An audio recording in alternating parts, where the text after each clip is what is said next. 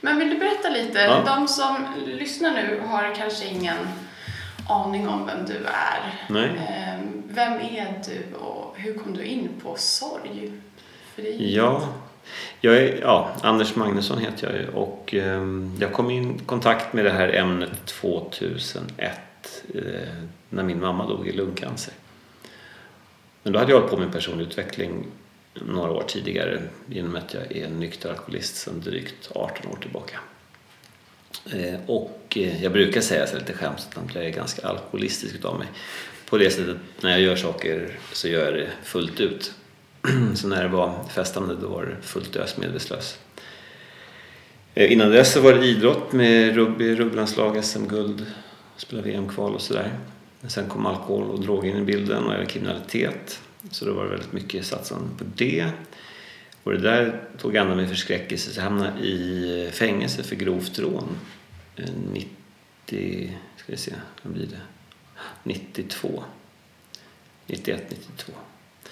Eh, Och eh, då insåg jag att det inte fanns någon framtid som bankrånare, som dömd bankrånare. Så att, ja, eh, tror det eller ej, men jag bestämde mig för att jag skulle börja med ekonomisk brottslighet istället. Okej. Eh, vilket jag brukar skämta och säga att det är en positiv rörelse ändå att gå från grova våldsbrott till eh, eh, ja, ekonomisk brottslighet. Men det det var därför blir... du började plugga på handel sen? eller? Ja, precis. Jag tyckte det var en bra skola att gå på om man ska hålla på med momsbedrägerier. Ja, men eh, nej, så jag läste in gymnasiet på Kåken, satsade på det och gick ut med 5 och 0 och så blev det Handels. Men sen gick det inte speciellt bra på Handels för att jag var mest nere på Stureplan och festade. Utan det var först när jag kraschade känslomässigt i mars 98 och eh, kom i kontakt med självhjälpsgrupper för nyktra alkoholister som det vände. Och då när jag kom i kontakt med de här självhjälpsgrupperna då kände jag direkt att eh, här fanns det någonting som jag ville ha.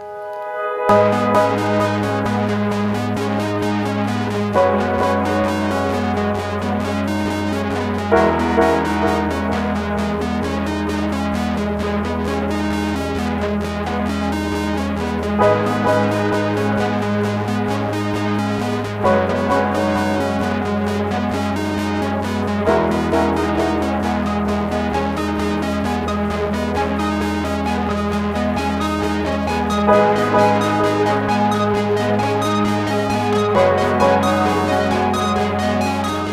har kommit till Sorgpodden med Desiree och Christian. En plats om det allra svåraste i livet. Välkommen!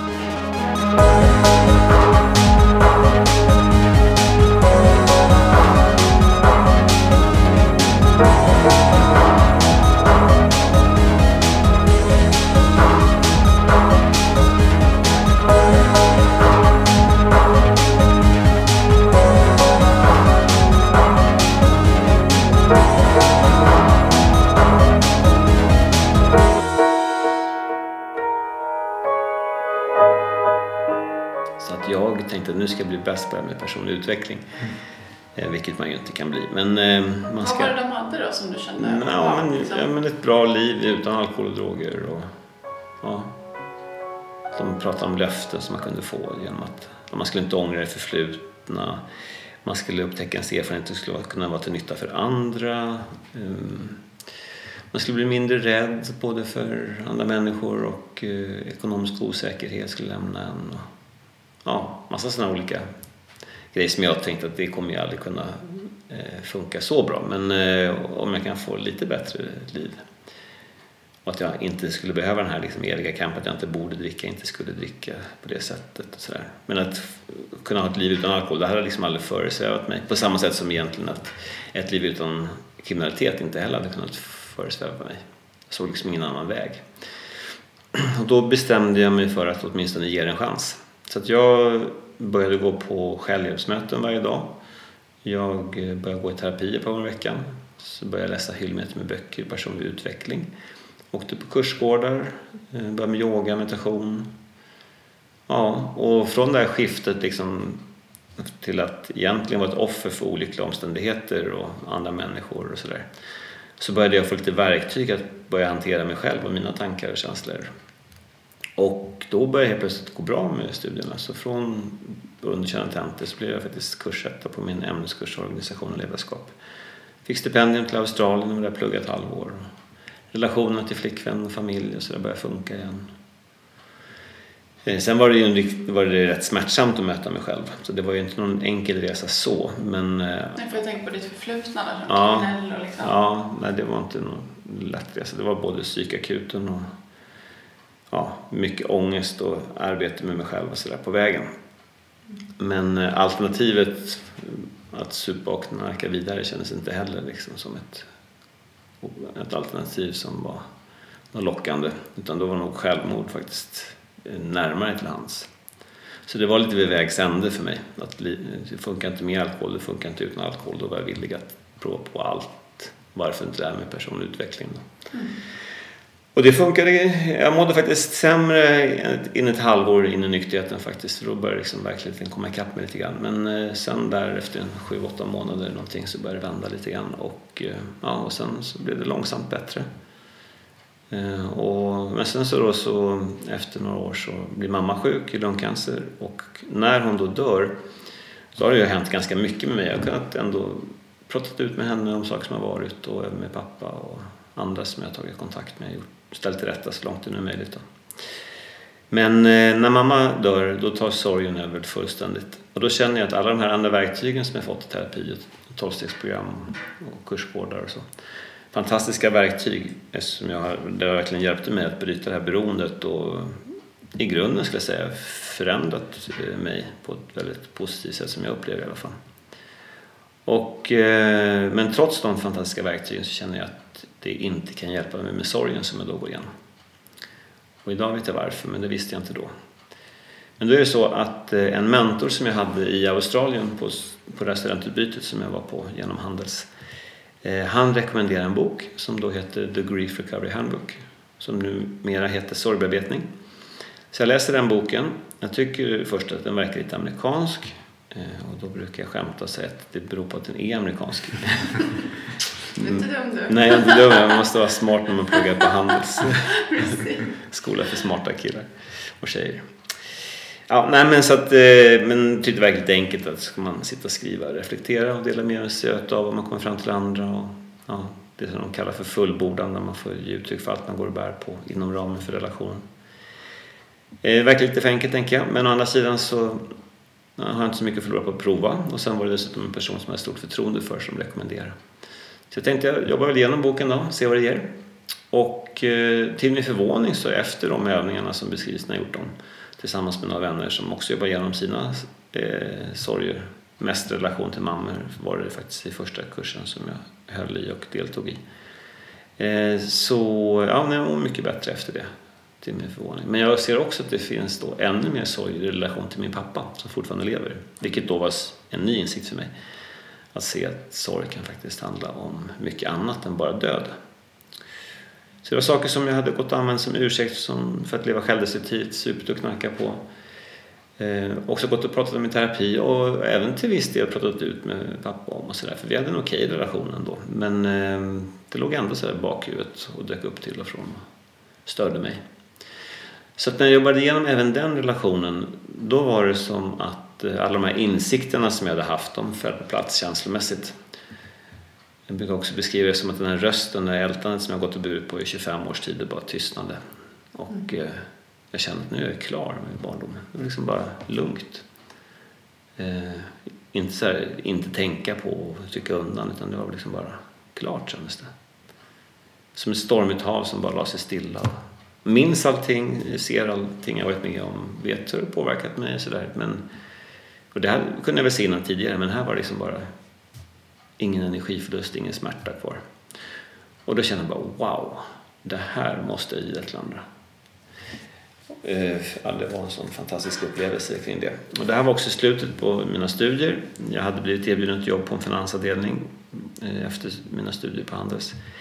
Men kände att eh, efter allt jag hade gått igenom Eh, genom min, ja, det här med personlig utveckling och, och även tidigare då när jag levde som kriminell så var jag nära död tio gånger med skjuten och knivhuggen och misshandlad eh, medvetslös, fall från höga höjder, hemsolyckor och bilolyckor, överdos och allt vad det var. Då tänkte jag att nej, nu andra halvlek så fått nåden att överleva allt det där. Då ska jag göra någonting helt annat och jobba med människor, inte jaga pengar i finansbranschen. lite grann samma sak ja, tyckte jag då. Att jaga pengar som bankrånare eller jobba, jaga pengar på andra sätt liksom. Med pengar som fokus. Det känns lite konstigt. Så nu skulle jag hjälpa andra och så jag hörde av mig till grundarna till den här metoden i USA och efter ett längre samtal med dem så kom jag överens om att jag skulle översätta boken till svenska och även gå en handledarutbildning för att hjälpa andra i sorg. Ja, så jag gjorde det. Jag gick en utbildning, jag började översätta boken och efter det, efter att ha gått den här kursen, då höll jag en tredje kurs. Först var det bearbetning med mamma och så pappa, men så var det tredje kursen där jag eh, inte var deltagare själv utan hjälpte tio stycken andra sörjande som jag då, några kände men det var också människor som jag inte hade någon relation till eh, sedan tidigare.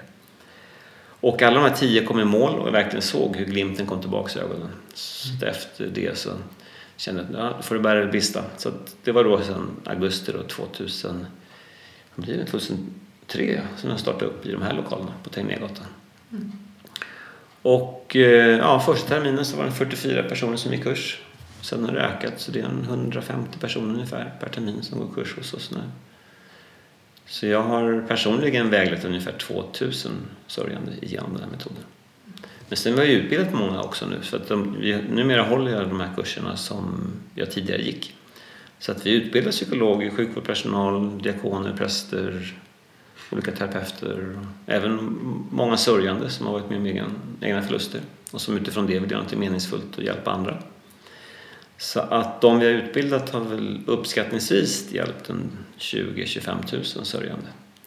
Så det har blivit en helt annan typ av ringar på vattnet nu då. Mm, verkligen. Men, men ser du den, för det är liksom som en metod, ja. ser du det som ett verktyg i din redskapslåda eller liksom det är det enda verktyget? Nej, liksom, nej ja, det finns ju många bra verktyg. Ja. Eh, tennis, men det var ju ett bra ja. verktyg. Ja. kör innebandy två dagar i veckan också. Ja. Så att man behöver ju motionera på något sätt som man tycker är kul. Jag gillar att jaga bollar, så jag är lite som en hundvalp där. Så får man mm. slänga en boll framför mig så springer jag tills, tills bollen slutar studsa ungefär. Eh, jag börjar känna mig lite grann som en tonåring nu för nu kör jag fem, sex dagar i veckan bollsport. Så det var som när jag var man hängde i, i sporthallen som ung och liksom vi kör nästa igen och en timme till, en timme till. Tar aldrig slut. Ja men det är verkligen. Och jag tror att det berodde faktiskt på att jag rätt nyligen här gjorde, eller ja, inte riktigt helt klart, men jag har börjat med bearbetning, sorgbearbetning på min relation till idrott. Ah. För mig var idrott väldigt förknippat med prestation, med det här med rugbylandslag, SM-guld och sådär. Så det var liksom väldigt målfokuserat eh, och liksom inte njutning av resan. Och nu när jag har gjort bearbetning på det där så hittar jag tillbaks till glädjen i att mm. röra på mig. Mm. Så jag har gått från, ja, successivt där under ett par år, har gått från två träningspass till fem, sex träningspass.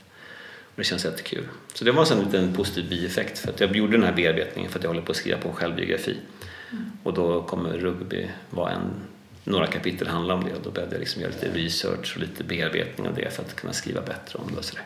Mm. Så det var en katalysator för det, så det var häftigt. Um, så det var en sorg liksom i bagaget? Där? Ja.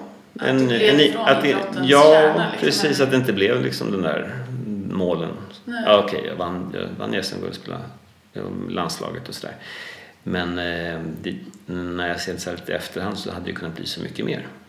Så till slut när jag, eh, ja, innan jag kunde liksom nå toppen om man säger för vad min prestation. Och det handlar inte så mycket om egentligen målen, för jag uppnådde ju det, målen som jag hade satt upp, de hade jag nått och det var därför jag la av. Men det fanns ju mer man hade kunnat uppleva, utlandsspel, kanske någon proffsspel och sådär och fortsätta utvecklas som spelare, se bara hur duktig man skulle kunna bli. Nu är, lite, man är lite för gammal för det. Mm. Så det var en sorg, eh, men eh, jag är glad att jag eh, fortfarande har glädjen i att röra mig. Men det är ett verktyg, motion, mm. vila ett annat, självrannsakan är tredje, meditation fjärde. Och, så det finns ju massa olika bra verktyg som inte har med sorgbearbetning att göra. Mm. Så det beror på vad man har för syfte, vad man har för problem som man vill ha hjälp med. Hur, eh, hur mår du idag? Jag mår bra idag. Jag tänker på de som har lyssnat på det kanske känner igen det där begreppet nysnö. Hur ja. nära är du? jag vet inte om de känner till det där begreppet nysnö. Jag brukar ju prata om det på föreläsningarna. Berätta lite kort om det för de som lyssnar. Mm. Nej, men när, jag var, när jag var tre och ett halvt år gammal så när jag gick och la mig så tittade jag ut genom ett sovrumsfönster och då var det becksvart ute. Och försökte se så här, ut i trädgården men det gick inte. Det enda jag kunde se när jag tittade ut genom fönstret var lite regnvåta löv som låg nedanför fönstret i gräset. Som man kunde se för att det kom lite fönster från, eller lite ljus från fönstret som jag stod och tittade ut genom. Eh, men jag tänkte inte så mycket mer på det utan jag gick och la mig och somnade. Men sen när jag vaknade upp på morgonen då var det som att vakna upp till en helt ny värld. För under natten hade det fallit nysnö som låg som ett vitt täcke över landskapet. Och eh, insåg direkt när jag stod där i min pyjamas att nu borde jag vara utomhus overall och leka i snön. Och eh, jag kommer inte ihåg om jag hann med frukost eller inte den morgonen, men jag var ute i snön direkt. Men troligtvis var det frukost först, innan mamma släppte ut mig. Men eh, jag kommer ihåg känslan jag hade när jag stod och tittade ut över det här underbara vinterlandskapet. Hur jag var full av energi Eh, full av livslust och sen såg jag fram emot allt det underbara som livet skulle ge mig, det stora äventyret. Eh, ja. Och sen så hände en massa andra grejer på vägen då, efter det med eh, flyttar och separationer, föräldrars skilsmässa, separation från min syster och min mamma när jag flyttade igen själv med pappa. Brustna kärleksrelationer, otroheter och kompisar som svikit och ja, och sen så småningom så även jag själv då, som sviker både mig själv och andra och gått emot min inre moral och sådär. Eh, så, eh, och, för, och för varje sån här förlust som jag var med om så kämpar jag mig tillbaka eh, nästan i samma läge som förut men för varje händelse så tappar jag lite energi, lite närvaro och lite livslust. Och sen upptäckte jag då, då eh, som vuxen efter alla de här förlusterna och sorgerna man varit med om i livet, det här bagaget som jag släpper på mig att den där äventyrskänslan och nysnökänslan här och nu, full av energi och livslust, den hade inte jag kvar längre. Mm. Men sen efter bearbetningen med mamma och pappa och sen så ett antal bearbetningar till så började jag komma tillbaka till den där. Så att eh, ja, livet är ju ett äventyr. Mm. Och det blir bara mer och mer äventyr hela tiden. Eh, ja, så det är spännande. Jag menar, det är rätt fantastiska grejer ändå som har hänt och som jag tycker liksom blir mer och mer utav. Men att eh, kunna ta kontakt med folk som är rånat och sen försonas med dem. Så jag har ju en kvinna som jag rånade för 25 år sedan som numera är kassör i min ideella förening Goodwill gottgör brottsdrabbade. Så det är ett annat verktyg att ta ansvar för det man har ställt till med. Eh, så det är inte sorgbearbetning utan det är ett tolvstegsprogram. Mm. kille som jag hade mordplaner på som hade skvallrat för polisen. Och de ska käka lunch med här i veckan. Mm. Och han har gått kurs hos mig också. Det har ju i och för sig hon som är kassör också gått kurser. Men, ehm, och han ska få tillbaks 200 000 som han fick betala i böter för att han skvallrade för polisen, sån här kriminella, kriminell bot. Mm. Så det får han om en månad. Mm. Så det är föreläsningsuppdrag till säkerhetsbolag och banker och sådär som jag har föreläst om kriminalitet för. Så då går pengarna från det till den här ideella föreningen där jag har poliser och medlare, brottsdrabbade, advokater och sådär som hjälper till. Vad händer liksom med dem runt omkring dig? Jag tänker, vad händer med de, de kriminella vännerna och liksom, hur har de reagerat? Och hur... De flesta är, alltså det är ingen som tycker att, det, ska säga att kriminell är en kul grej liksom. Nej. Nej, alltså de flesta blir äldre. Ja, vissa dör ju, men de som blir äldre märker att det där är inget liv liksom. Så de flesta eh, slutar väl på ett eller annat sätt. Mm. Eh, så de flesta är rätt eh, ja, glada att det går bra för mig och att jag har brutit mig där. Mm. Eh, och, men sen är jag inte ensam med det. Jag känner ju många som har brutit också som gör bra saker. Mm. Så han som eh, skvallrar för polisen till exempel, han har ju i och med att han skvallrade för polisen så blev det hans väg ut från kriminaliteten också. Yes. Det var ju liksom inte läge för honom att fortsätta vara kriminell när man har pratat med polisen. Så det var hans väg ut. Och det går jättebra för honom affärsmässigt och relationsmässigt och sådär. Och sen har jag andra som har min bakgrund som jobbar som begravningsentreprenörer och jobbar med HVB-hem. Mm. du hade lite stöd i, du hade andra runt omkring dig som gjorde liknande resa? Nej, jag har nog gått, alltså jag har haft stöd definitivt ja. men inte från andra kriminella. Nej. Utan ifrån nyktra alkoholister i tolvstegsprogrammet. Ja, det var där du hade liksom den bästa stödet? Ja, det hade stödet. mina mentorer ja. och sådär. Det är ett, i en kontext där människor är intresserade av att utvecklas personligen och som lägger mycket fokus på det inre arbetet. Mm. Och då är det att man liksom utbyter erfarenheter och tips och, med böcker. Och, och det är också en av eh, perspektiven man säger i tolvstegsprogrammet att där finns ju en metod även i tolvstegsprogrammet på hur man blir av med ett alkoholproblem eller droger eller vad det nu är för någonting man brottas med. Eh, så det är ett handlingsprogram där för att komma till tro kan man väl säga, få tillgång till en kraft starkare än själv. Eh, men eh, sen så säger ju det programmet också att man ska vara öppen för vad andra kan ha rätt i och fortsätta utvecklas. Både när det gäller religiös utövning eller praktiker som religiösa används av eller personlig utveckling, terapeuter och sådär. Så det är ganska vanligt i, bland oss som är med i talstödsprogrammet att man ja, går på kurser och föreläsningar, läser böcker och är intresserad av det här liksom att utvecklas själv. För vi ser ju alkohol och droger egentligen bara som ett symptom på ett inre eh, tillkortakommande eller inre brist. Och när man då börjar må bra i sig själv, i sin egen kropp, ja, då behöver man ju inte någon alkohol och drog för att förändra sin känsla. Så vi jobbar egentligen aldrig med problemet utan vi ställer problemet åt sidan. Och sen så när man har jobbat med sig själv så upptäcker man efter ett tag att helt plötsligt så är inte alkohol och droger ett problem längre. Men jag hade inte druckit ens om jag hade kunnat idag. Jag är inte intresserad av att eh, distansera mig från mig själv. Jag vill ju tvärtom komma närmare och mer kontakt med mig själv. Mm. Och alkohol får ju, går ju åt fel håll. Så inte ens om jag hade kunnat dricka så, hade jag, så vill jag dricka längre.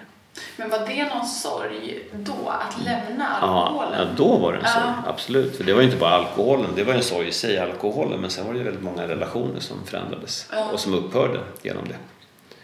Så det är en av mina största sorger faktiskt, att bli nykter och drogfri. Samtidigt som det är tveklöst det bästa som har hänt mig och en förutsättning för allt annat, både när det gäller sorgbearbetning och eh, familj. Så det är någonstans grunden. Sen eh, är, ja, så tolvstegsprogram är ett liksom, ja, verktyg om man säger. Sen är ju sorgbearbetning det verktyget som har gjort att saker och ting har fallit på plats för mig. Så utan det hade jag fortsatt jaga runt och sökt. Mm. Det brukar ganska många tolvstegare säga att sorgbearbetningen liksom gör att det blir ganska komplett verktygslåda.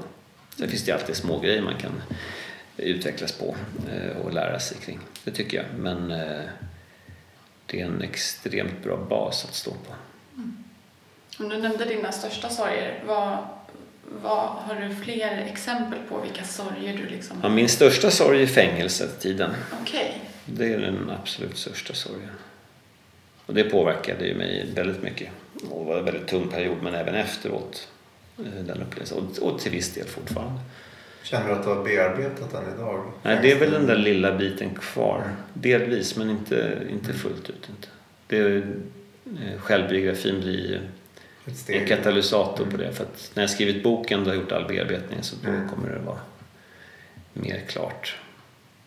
Nej, jag kan nog tänka mig att jag kommer vara i mer eh, äventyr och här och nu och livslust än jag var när jag var tre och ett halvt år när jag är klar med det där. Mm. Det kan jag liksom se att det blir så tre och ett halvt fast i en vuxen kropp. Gud vad härligt! ja. Det låter helt fantastiskt. Ja, nej men det kan jag. Det är liksom, jag blir, mår ju bättre och bättre där. Bara den här liksom med idrottsgrejen känner ju liksom, nu är vi tonåren men så jag behöver backa en 12 år till då. men jag närmar mig den där. Du kommer födas på nytt i det här. Ja, nej men alltså att det verkligen inte finns några hinder i livet. Att jag sätter mina egna hinder. För jag menar, polisen som sköt mig i Malmö, hon käkade lunch med i höstas. Mm. Sen finns det de som inte vill träffa mig också. Och det är okej det med, då får jag hålla mig undan. Men det öppnar upp så liksom, när jag förändrar och jobbar med mig själv så öppnar det upp så många möjligheter i livet. Mm. Så det blir någonstans, en, min livssituation blir någonstans en spegling av var jag själv befinner mig. Som tidigare hade jag alkoholproblem men i och med att jag förändras inombords så har jag inte problem med alkohol längre. Eh, tidigare var det problem med sorgen kring mamma och barndom och sådär. Eh, för jag hade, fängelse var det största men sen var det skilsmässa när jag var 12 år från mamma och min syster och kompisar nere i Skåne. Jag flyttade själv med pappa till Stockholm. Min näst största sorg och sen mammas sjukdom och död. Nykter och drogfri. Det är liksom de kanske största. Sen har man ju separationer och lite mor och farföräldrar som har dött och sådär. Husdjur och vad det kan vara. Men eh, det är liksom en annan, lite annan nivå. Men när man har eh, fått ordning på allt de där eh, sorgerna då, ja, då kan jag liksom helt plötsligt ge. Så när mam, sorgen med mamma har blivit av med den och gjort det inre arbetet, ja, då helt plötsligt kan jag bara hjälpa andra människor i sorg. Så det öppnar det upp och så blir det helt annan eh, upplevelse av livet genom det. Hitta mening i det man gör och sådär. Och ju bättre jag blir på det och utvecklas så kan jag hjälpa flera och nu attraherar jag ju många fler på föreläsningarna också än, tidigare. Mm. När jag plockade in lite, jag gick en coachutbildning förra året och eh, då fick jag, jag kan inte säga att jag lärde mig jättemånga nya verktyg i det. Jag fick några stycken sådär lite, lite det var, blev inte ett nytt revolutionerande förhållningssätt eh, tycker jag inte för vi har ju ganska mycket kommunikation redan i sorgbearbetningen. Men eh, lite så här framåt perspektiv, att vad vill jag någonstans och sätta upp lite mål och, och, lite den biten. Och då fick jag ju den här lite mer framåtrörelsen i att inte bara liksom titta på vad man har varit med om och jobba med det utan se lite grann istället för att titta istället för att ta avstamp i smärtan och det som har hänt så tittar man på okej, okay, vad vill jag någonstans i livet? Och vad hindrar mig från att komma dit jag vill? Mm. Ja, okej, okay, det är sorgen som hindrar mig från att komma dit jag vill men då jobbar jag med sorgen för att komma framåt. Mm inte jobba med sorgen för att komma bort från sorgen. Och då blir det en mer positiv rörelse framåt och det har ju attraherat många fler. Sen så är det precis samma verktyg när man väl jobbar med sig själv. Men bara det här perspektivet att man vill någonstans men inte kommer dit och, bara, och tar bort det som ligger i vägen. Eh, det gör att man får en mer eh, positiv ingång. Och det tänkte... blir bara ett tecken på när jag gjort den här inre förändringen så förändras liksom budskapet det jag kan ge till andra och då liksom öppnar det upp nya möjligheter. Så alla, jag brukar säga så här att, ehm, eller som jag brukar tänka så är det att jag har ett problem i livet och det är jag och när jag förändrar mig då förändras livet automatiskt i det yttre. Mm. Så någonstans ser jag att livet, min livssituation är en fysisk manifestation utav var jag själv befinner mig någonstans. Det blir någon sorts en spegling utav var jag har kommit. Så när jag förändrar mig så förändras livet. Och inte tvärtom? Nej, Nej. Inte liksom, det, för så var det ju förut. Och det går ju. Alltså, till viss del så kan man ju tvinga igenom sin vilja och forcera fram resultat och sådär. Men det är ett extremt eh, energikrävande sätt att jobba på. Och så fort jag slutar jobba så faller jag, faller jag tillbaka. Det blir liksom inget bestående på det sättet. Men när jag förändras då jobbar jag med en annan, helt annan energinivå och börjar attrahera människor på ett annat sätt och samarbeta på ett annat sätt. Eh, och när man har nått den högre medvetandenivån och, och ja, kunskapsnivån och vad det nu är eh, då levererar jag på en annan nivå också och den är ju bestående den förändringen. Så det blir som ungefär som att när jag förändrar mig på ett positivt sätt då höjs glastaket för vad som är möjligt i livet och det taket liksom, det ligger kvar på den högre nivån. Eh, så jag slår inte liksom i toppen på det där och försöker forcera igenom som jag gjorde när jag eh, ja, när det var idrott och mål och, och jobbade mer med yttre hinder. Men inte såg att jag ja, men jag kan beskriva det som ja, men en slö kniv som ska liksom skära tälja eller sådär. Liksom. Mm. Ja, det är klart att eh, ja, viss, viss material rår man ju på liksom, men för jäkla, jäkla hårt för att skära och tälja och sådär. Istället för då men inte lägga så mycket fokus på det täljandet utan istället lägga fokus på att slipa kniven. Mm. Och när äggen är skarp då skär jag lite grann och då är det liksom inget motstånd, det där går ju lätt. Så bra verktyg är halva jobbet brukar man säga. Mm. Och det gäller ju speciellt för en själv ska jag säga. Att jag är verktyget i mitt liv och vässa det så att det blir så bra som möjligt så att det kan vara till nytta för mig själv och andra. Mm. Jag satt och tänkte på just det här med ett sätt att bearbeta sorg i relation till någon annan är ju mm. att faktiskt ingå i ett samtal med den personen. Att man kan prata om Men sen finns det ju personer som kanske inte fysiskt möjliga att prata med som din mamma till exempel då mm. när hon har gått bort eller de här personerna som inte vill träffa dig idag. Hur, hur gör man då? Hur har du gjort för att liksom bearbeta de sakerna? Mm. Ja, för, jag säger faktiskt, för mig är det ingen skillnad om eh, personen lever eller inte och om det är möjligt att ha kontakt eller inte för att jag eh, gör alltid bearbetningen eh, med mig själv mm. utan motpartens medverkan oavsett om personen är vid livet eller inte. Det är klart att eh, som i pågående relationer att man kan reda ut saker och prata ut om saker. Eh, men, eh, och det när det gäller kanske pågående situationer man behöver liksom hantera hur ska vi jobba, hur ska vi ha det här framöver, hur ska vi hantera den här situationen. Men det är ganska sällan det är problemet. Ofta sitter man i ett problem här och nu för att man har liksom någon gammal föreställning som man själv sitter fast i och som man liksom krockar med någon annan kring istället för att acceptera att andra är som de är. Så, eh, så att jag jobbar så gott som aldrig med motparten direkt. Mm. Dessutom är det så att om jag ska få läkning så måste jag vara helt ärlig. Så även om man kan sitta och prata ut om saker och ting med andra så är det så att, eh, att jag har negativa synsätt på människor kring vissa av deras eh, karaktärs, som jag skulle se som karaktärsdefekter eller så. Det har egentligen inte med dem att göra utan det har ju med min betraktelse av dem att göra. Nu måste jag ju ge mig själv rätten till den upplevelsen om jag ska kunna bearbeta det men det har ju inte med dem att göra. De behöver inte vara med kring det. Så att, eh, ja, så jag brukar skilja på den inre bearbetningen och den gör jag själv tillsammans med någon annan fast aldrig med motparten. Och sen när jag har gjort den bearbetningen så kan jag ibland ta kontakt med motparten för att ta ansvar för det jag har brustit i i mm. relationen. Men jag diskuterar aldrig motpartens fel och brister med motparten. Nej. Däremot så tar jag alltid upp motpartens fel och brister med mig själv. Mm. Så jag ger mig själv rätten till den upplevelsen och de tankarna och känslorna. Eh, så att jag spottar och fräser och tycker att folk är idioter och sådär. och sen så förlåter jag och så. Och när jag gjort det, helt plötsligt så upphör folk vara idioter. Och mm.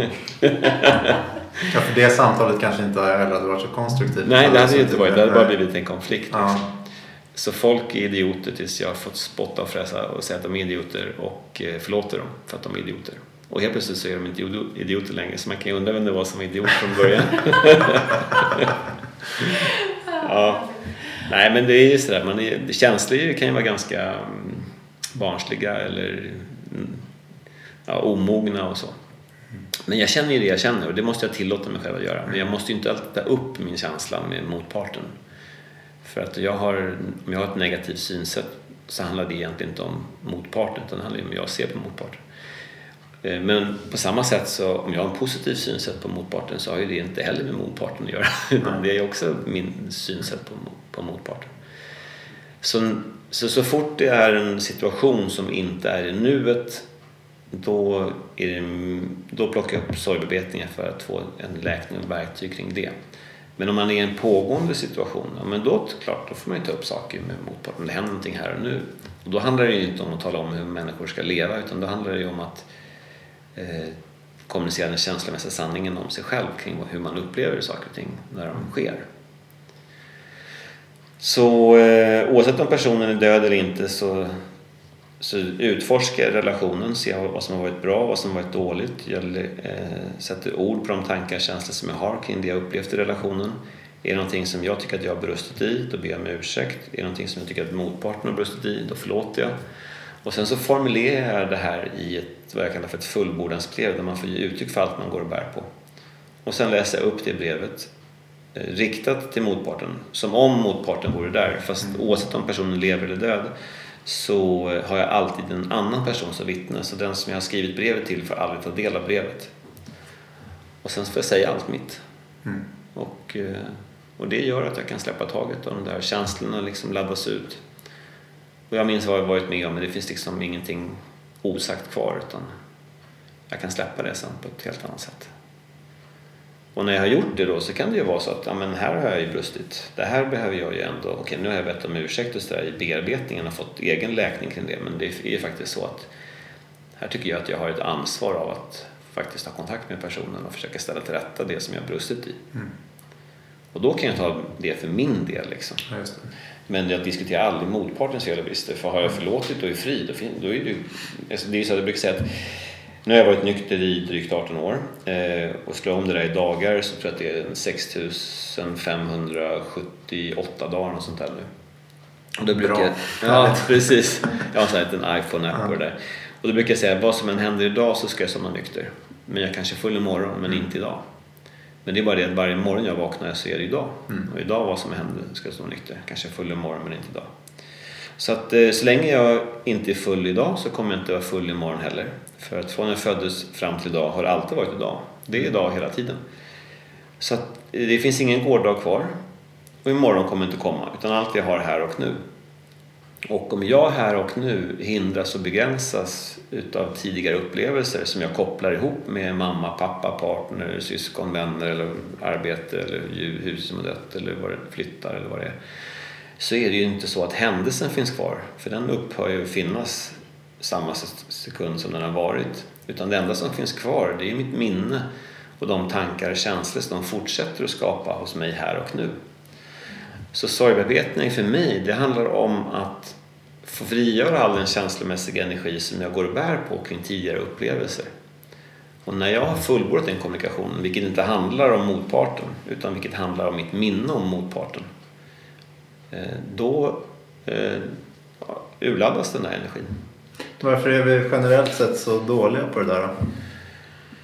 Eh, ja, det är en bra fråga. Alltså, rent krasst så är det klart så att vi uppfostras till att hamna i konflikt med oss själva och vår natur. Så att, jag brukar säga att barn gör det vi lär ut på kurserna utan att ha gått på kurs. Mm. Så barn kommunicerar högt med människor, djur, platser, saker utan att lägga någon värdering i det. Utan de gör det för att det känns bra för dem. Men sen så, och då är man ju ärlig med vad man känner. Man ger uttryck för både positiva och negativa känslor. Man söker inte bekräftelse eller godkännande. Utan barn är liksom sanna mot sig själva om de får vara det i början i alla fall.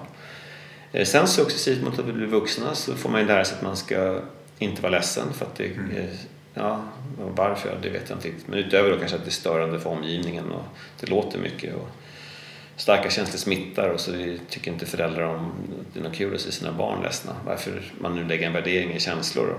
Klart, det är inte kul att se sina barn ledsna såklart men det är naturligt att vara ledsen när det händer sorgliga saker. Så försöker man skydda barnen från verkligheten genom att distrahera, eh, ja, ersätta förlusten eller vad det nu är.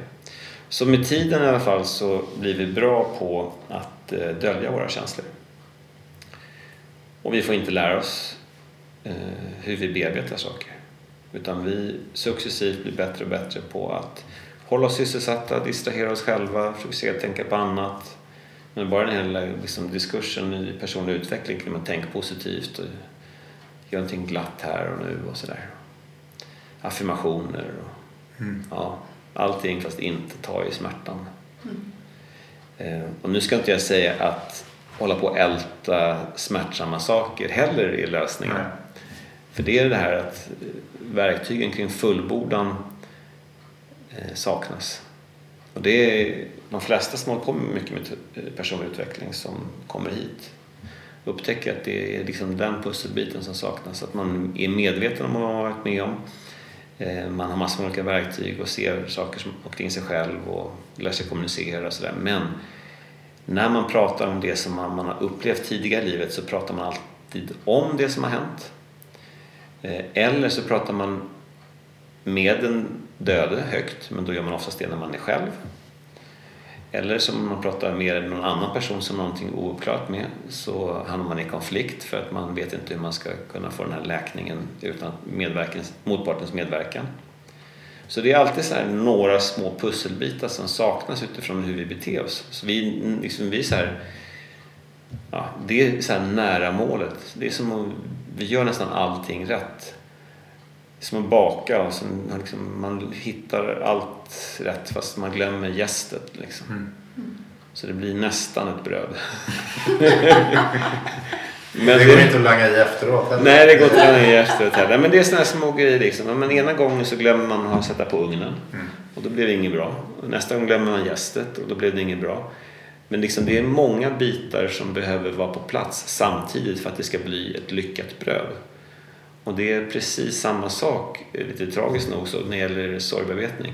Att det är många olika bitar som behöver vara på plats samtidigt. Och om det är någon sån där grej som saknas, som till exempel att man eh, kommunicerar utan att bli hörd. Mm. Och det kan ju vara att man inte blir hörd av motparten för den hamnar i, i försvarsställning, så man känner sig inte hörd. Eller man vet inte hur man ska nå fram till någon och bli mött och bekräftad för att personen är död. Eller man lyckas kommunicera men så tar man inte upp allting för man vill inte såra någon så man underhåller en del saker. Man ska inte prata illa om döda eller sådär. Eller så har man inte verktyg för förlåtelse. Så det är många olika sådana här bitar som man kan liksom misslyckas kring. Och det är ju det som jag gillar med det här med sorgbearbetning. Det är ungefär som en bagare som har bakat bröd 10 000 gånger. Efter 10 000 brödbak så har man lärt sig vad man ska göra, i vilken ordning och hur man ska... Ja. Och det här är samma sak. Jag har hjälpt närmare 2000 personer. De som jag lärde mig av, de hade hjälpt många fler tusen än det. Så under 40 års tid så har vi sett vad är det för någonting som man behöver göra för att må bra när man varit med om sorg. Och så har vi sett här liksom att ja, men de här mådde bra, men den där personen mådde inte bra. Varför var inte den personen bra när de gjorde ungefär samma sak? Ja, men det var ungefär samma. Vad gjorde hon eller han annorlunda som gjorde att det inte var bra?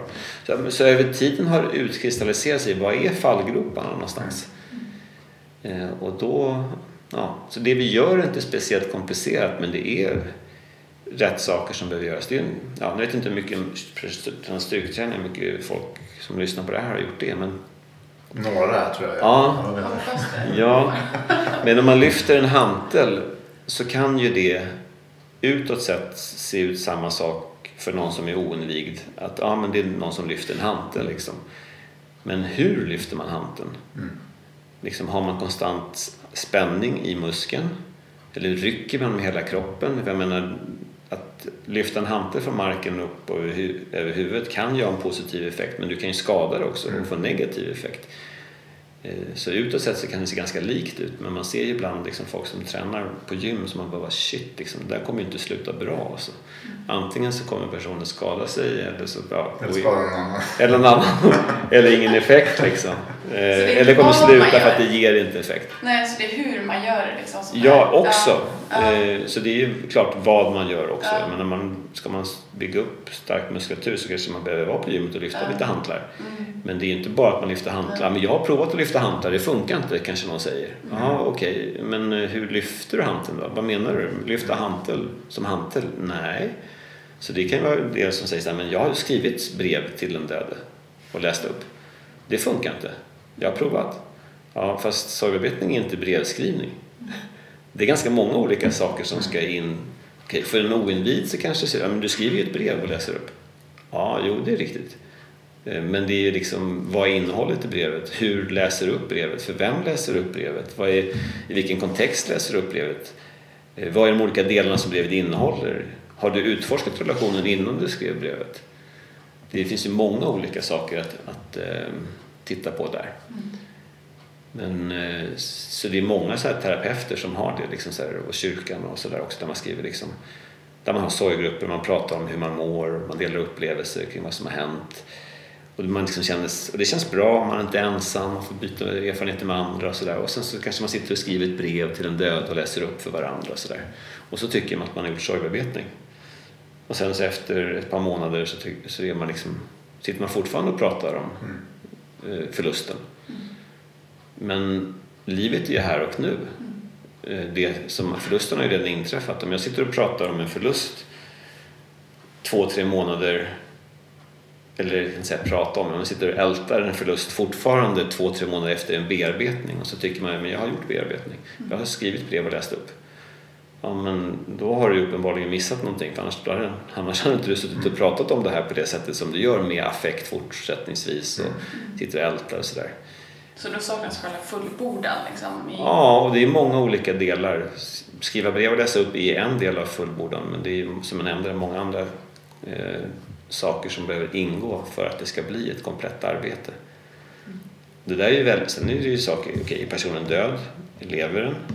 Det är också aspekter. Är det en levande person då behöver man också kanske ge upp sina förväntningar om en annorlunda och bättre morgondag. Ehm, ja, om det är en pågående förlust, eh, som en vårdnadstvist, ehm, blivit lämnad någon som man vill få tillbaka, någon som är aktiv i ett missbruk. Då är det andra aspekter man behöver titta på. Så det är många olika sådana där eh, grejer som eh, man har fått lära sig genom åren liksom, på vad man bör göra. Sen är jobbet i sig väldigt okomplicerat faktiskt. Men det är en metod det är, som fångar upp de här fallgroparna. Så man har den här strukturen som leder en framåt i metoden.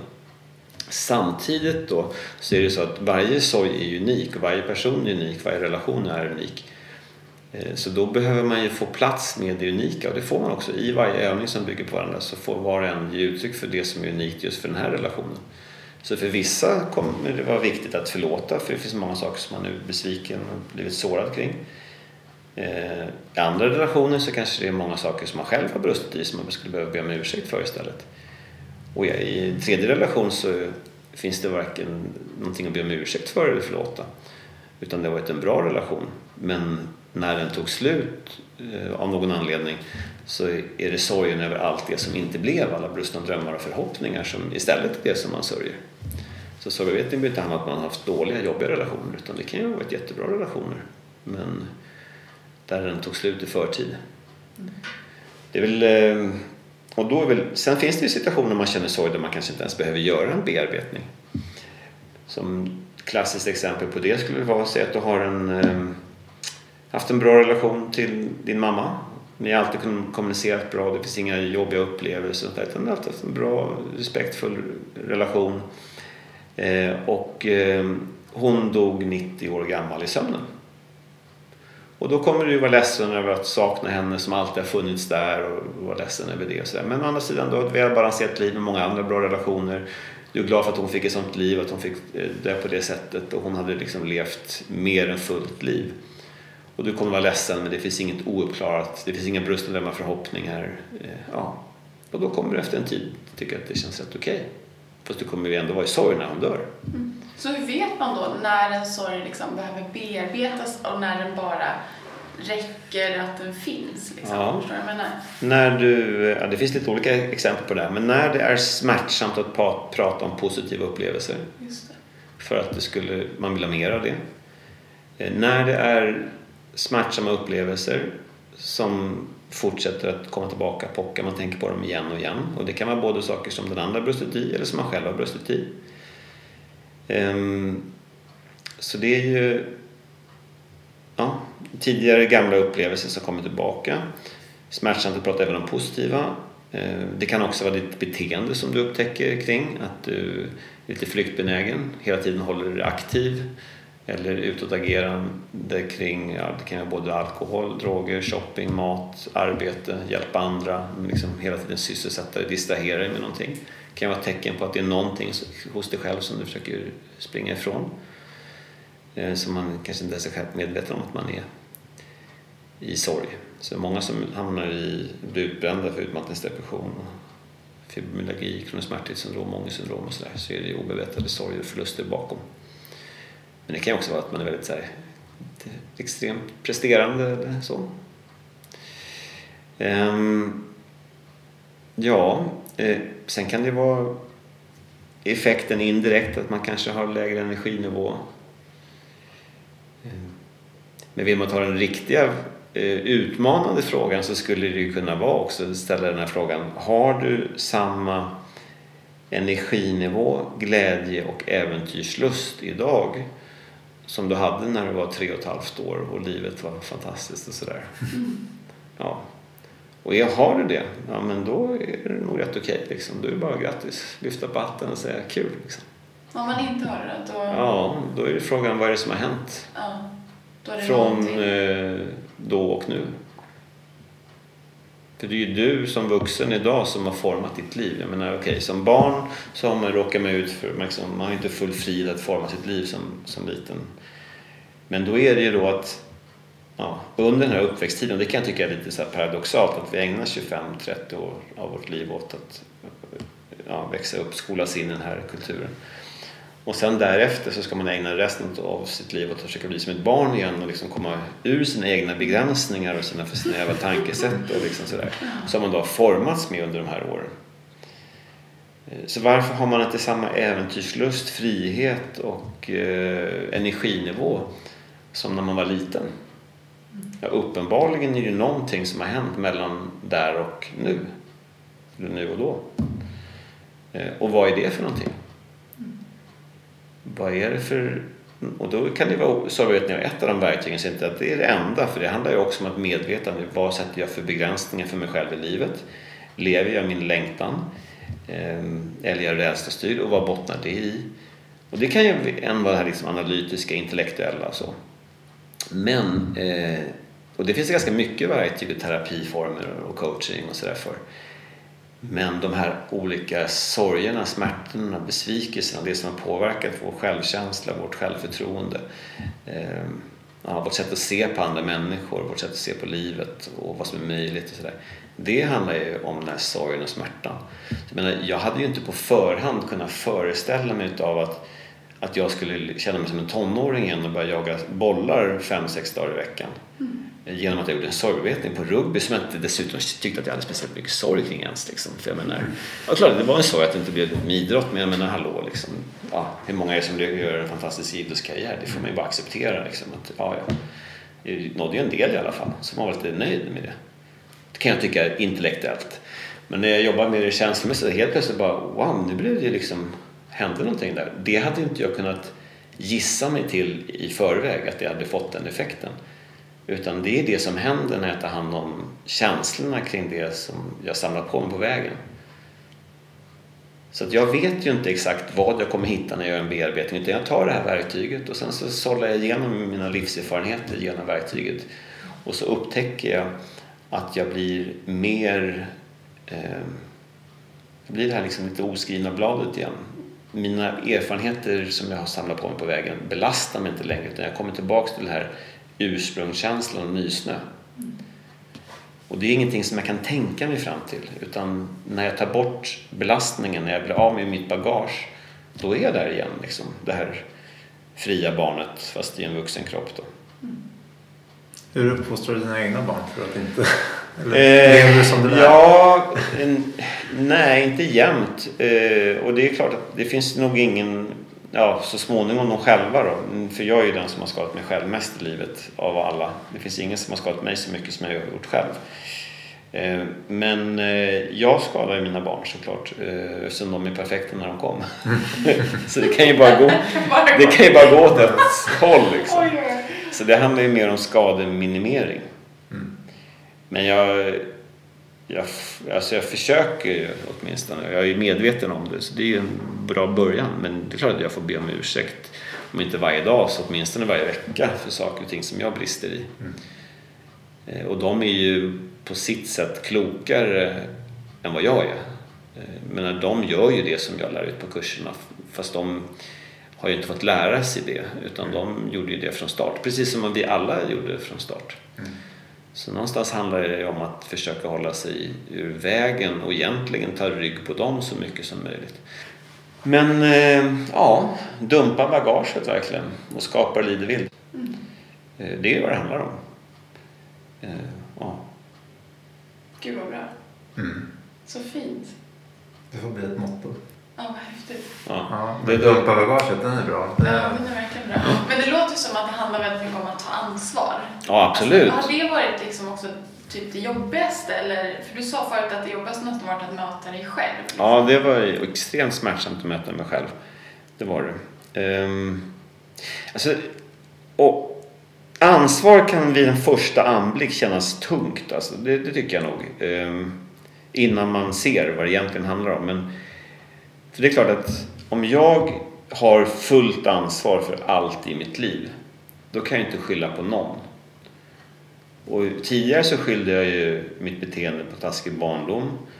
Eh, skylla på flickvänner eller kompisar eller skylla på att jag inte har tid eller skylla på att jag inte har råd eller skylla på liksom vad jag nu skyller på. Liksom. Men det är någonting som ligger utanför mig själv. och sen så kanske man ser, vänta nu, nej men jag har inga ursäkter liksom. Det är mitt ansvar fullt ut. Då kan det ju kännas typ bara shit, fan vad tungt liksom. Mm. Har jag ingen att skylla på? Det är mitt typ fel allting. Mm. Men vänta här nu. Om jag, och då, är, då känns det ofta tungt liksom, när man ser att man har ett ansvar. Bara shit, aha, ska jag axla det här? Mm. Men vad innebär ett ansvar? När får man ett ansvar? Spädbarn, har de ansvar? Nej. Nej. Varför har, de, varför har inte spädbarn ansvar? Jo, för de har ingen makt.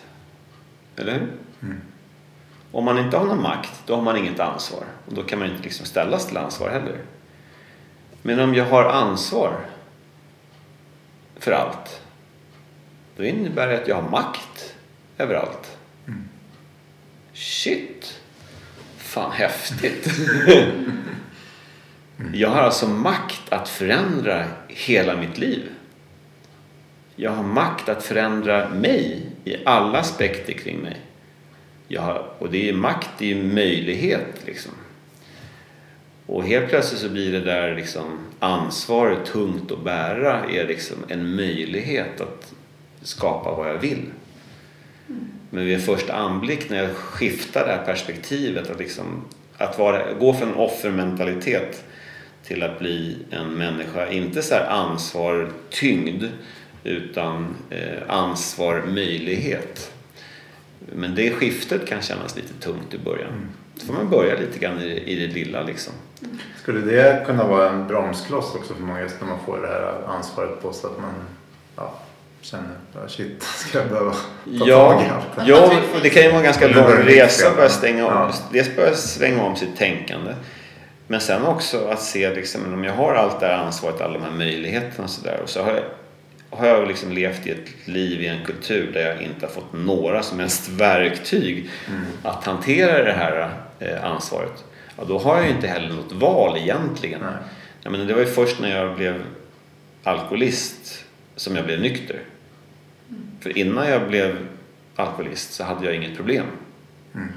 När jag fick ett problem då var jag ju tvungen att försöka hitta en lösning och nu erbjuds det en lösning samtidigt som jag blev medveten om att jag hade ett problem.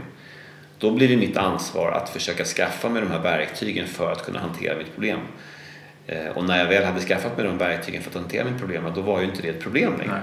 Nej, Nej så det är en frihet att ta ansvar. Mm. Men vid en första anblick så kan man tycka att det känns tungt. Men det är en frihet att ta ansvar i förlängningen. Mm. Men det är en förändringsprocess som kan vara nog så jobbig. Mm. Eh, sen så kan man ju såklart på kort sikt, jag menar, man kan åka ut för olyckor, man kan bli sjuk och sådär saker som man inte rår för. Eh, men då blir ju ansvaret att eh, hantera konsekvenserna av det som har hänt i livet på sikt för att göra det bästa situationen. För det har man ju ett ansvar gentemot sig själv. Att göra så gott man kan utifrån sin situation och inte lägga ansvaret utanför sig själv utan hämta hem ansvaret och se vad kan jag göra det jag inte kan göra någonting åt det får jag bara acceptera men det som jag kan förändra det får jag lägga mitt fokus på att försöka mm. förändra. Och har jag vissa brister som gör att jag, ja, som, saker som jag brister i återkommande till barnen då får jag se till att skaffa mig verktyg för att inte brista i det återkommande som jag har ett föräldraansvar. Ja. Annars så kommer ju ofriheten tillbaka. Liksom. Mm. Mm. Ja. Vem, eh, vem skulle du vilja höra i den här podcasten? Ifall du fick liksom... Det behöver inte vara en specifik person men kanske någon ja, mm. som har varit med om något speciellt eller... Nej, men det kan väl höra med Mia kanske. Min gamla um, festarpolare. Mia T. Känner ni till henne? Nej, Nej vem är Mia T? Mia Törnblom. Ja, ja. ja. ja, ja, absolut. Vi eh, partat ihop. Okej. Okay. Ja, på den gamla goda. Hon var bästa kompis med min flickvän då en gång i tiden. Okej. Okay. Så hon, eh, får se, hon kommer nog med. Ja, hon, jag omnämndes i hennes självbiografi. Inte med namn men eh, hon satt på väg till häktet mm. och eh, ja, skulle köras in där i Kronobergsgaraget. Och, och titta ut genom fönstret. Och, eller orkade knappt lyfta blicken tror jag. Liksom. Och sen, ja här, det var här min kompis rymde från en fångtransport. Mm. Vilken initiativkraft. jag orkar ingenting kände hon. Och helt slagen liksom. Utöver det här med att dumpa bagaget då, ja. alltså, det, eh, har du något annat tips till våra lyssnare? Ja, men mitt motto är ju att vara sann mot dig själv. Mm. Så, så, det är mm, liksom att lyssna inåt och följa den där magkänslan eller rösten. Eller... Mm. Jag tror innerst inne att vi både vet och kan mycket mer än vi, vi tror. Bara vi liksom vågar följa hjärtat.